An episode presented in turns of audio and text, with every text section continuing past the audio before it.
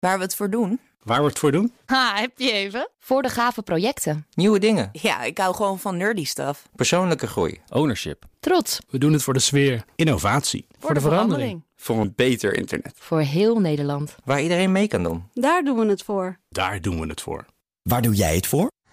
Kom werken voor KPN en groei op jouw manier. Check de actuele vacatures op het gebied van data, security, development en networking op jobs.kpn.com/tech. Wetenschap vandaag.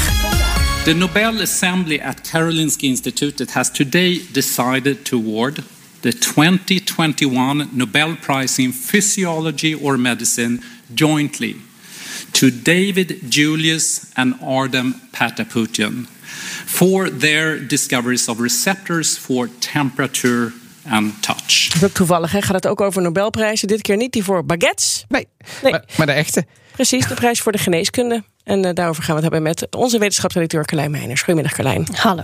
En jij weet meer over het winnende onderzoek. Zeker. Zoals je eh, Thomas Perlman, secretaris van het Nobelcomité, al hoorde zeggen. De prijs gaat naar twee onderzoekers dit keer die belangrijke ontdekkingen hebben gedaan op het gebied van onze lichaamssensoren.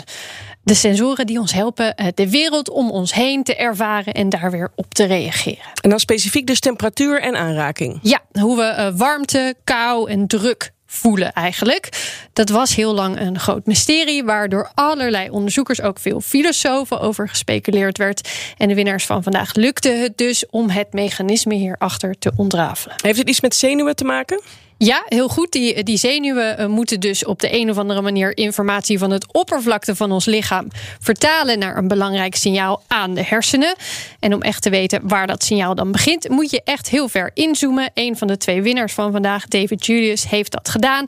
Hij kreeg hulp van hete pepers. Hij was geïnteresseerd in het voelen van pijn. Nou vind je in Spaanse pepers het stofje capsaicine. Dat ervoor zorgt dat bepaalde receptoren hitte registreren en pijn bij het eten van die pepers.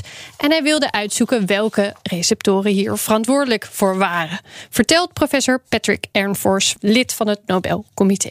He introduced single DNA fragments into cells that are insensitive to capsaicin and then added capsaicin and recorded activity. This was a high risk project, but after looking through large amounts of DNA fragments, the team finally succeeded and identified the capsaicin receptor. Het lukte ze dus. Ja. En wat hadden ze precies aan deze vondst? Ja, ze vonden dus inderdaad dat het eiwit dat een rol speelt bij het registreren van dat stofje in die peper. Het bleek te gaan om een ionenkanaaltje. Dat kanaaltje opent bij een bepaalde stimulus. En door de stroming die daardoor ontstaat, wordt er een signaal in gang gezet. Vervolgens heeft hij gekeken, werkt dit dan ook voor temperatuur? En dat bleek inderdaad zo te zijn. Bij een bepaalde temperatuur opent dat kanaaltje zich, wat uiteindelijk resulteert in een seintje aan de hersenen. Auw. En werkt het met kou dan hetzelfde? Dat was het volgende waar ze naar op zoek gingen. Ook dat kanaaltje werd gevonden. Afzonderlijk door beide winnaars van de prijs eh, hebben ze dat ontdekt. En ook weer dankzij een chemisch stofje, niet uit een peper dit keer, maar menthol in dit geval. Uiteindelijk ontdekten ze zo een hele familie van dit soort ionenkanaaltjes, die elk op een andere temperatuur reageren en gezamenlijk verantwoordelijk zijn voor het doorsturen van die temperatuurinformatie en dus uiteindelijk dat pijnseintje. De tweede winnaar van de prijs, Ardem Pataputin, was hier ook mee bezig, maar sloeg vervolgens de weg van de aanraking in. Is dat een andere familie? Ja, eh, dan gaat het weer om ander soort sensoren. Hij begon eh, te zoeken naar de cellen die reageren op mechanische krachten, dus druk die wordt uitgeoefend. Maar ja, hoe kijk je wat er in een cel gebeurt als er sprake is van druk? Thomas Perlman, secretaris van het Nobelcomité, ligt aan de telefoon toe. in individual cells, you, you can actually measure the current.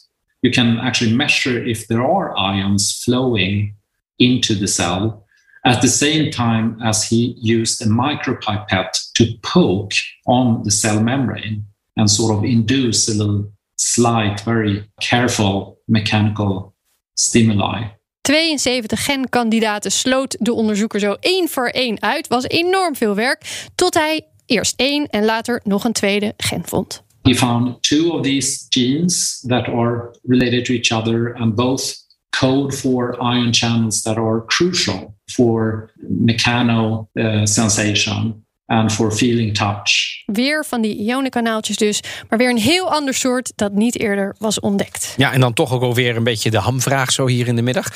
Zijn wij, eh, de gewone stervelingen, er ook mee geholpen? Of zoals Roos zou zeggen, wat kunnen we ermee? Ja, Eh, dit zijn vrij fundamentele ontdekkingen geweest. Maar er is zeker een link met de behandeling van iets als chronische pijn bijvoorbeeld. En die kanaaltjes spelen ook een rol in andere processen. Ze hebben meerdere functies. Ze hebben iets te maken met bloeddruk, de werking van de blaas. Die temperatuurkanaaltjes zijn weer gelinkt aan ontstekingen, maar ook aan lichaamstemperatuur. Dus geldt eigenlijk zeker hoe meer we weten over die kanaaltjes, hoe beter. En eh, dit heeft weer allerlei nieuwe eh, onderzoekslijnen eigenlijk geopend. Ja, moest die prijs dit jaar eigenlijk niet naar corona-onderzoek? Ja, logische vraag. Die werd ook gesteld tijdens de bekendmaking. Ze praten in de regel eigenlijk niet over de onderzoeken die het niet zijn geworden. Oh ja. Daar laten ze weinig over los. Maar het kwam erop neer dat het daarvoor nog een beetje vroeg was. Perlman zei in ons gesprek ook nog: eh, als onderzoek een impact heeft op de levens van miljoenen mensen, dan komt het uiteindelijk altijd wel bij ons Oh. op tafel terecht. En meer wilde hij er niet over kwijt. Bedoel, moeten ze nou nog, gaan ze nou nog? Nee, maar die vaccinaties, ik weet niet of dat iets doet. Ja, maar ik- ik- dit is toch wel een cliffhanger dat die Perlman, die heeft eigenlijk gewoon tegen Carlijn gezegd, volgend jaar. Nou, dat zei hij niet. Hè? Nee, dat, jaar daarop. dat vullen wij lekker in. Ja, dat vul ik gewoon lekker in. Ja, En we horen het vanzelf volgend jaar. dankjewel, Carlijn. Ook Bas van Werven vind je in de BNR-app. Ja, je kunt live naar mij en Iwan luisteren tijdens de ochtendspits. Je krijgt een melding van Breaking News. En niet alleen onze podcast Ochtendnieuws, maar alle BNR-podcasts vind je in de app. Download nu de gratis BNR-app en blijf scherp.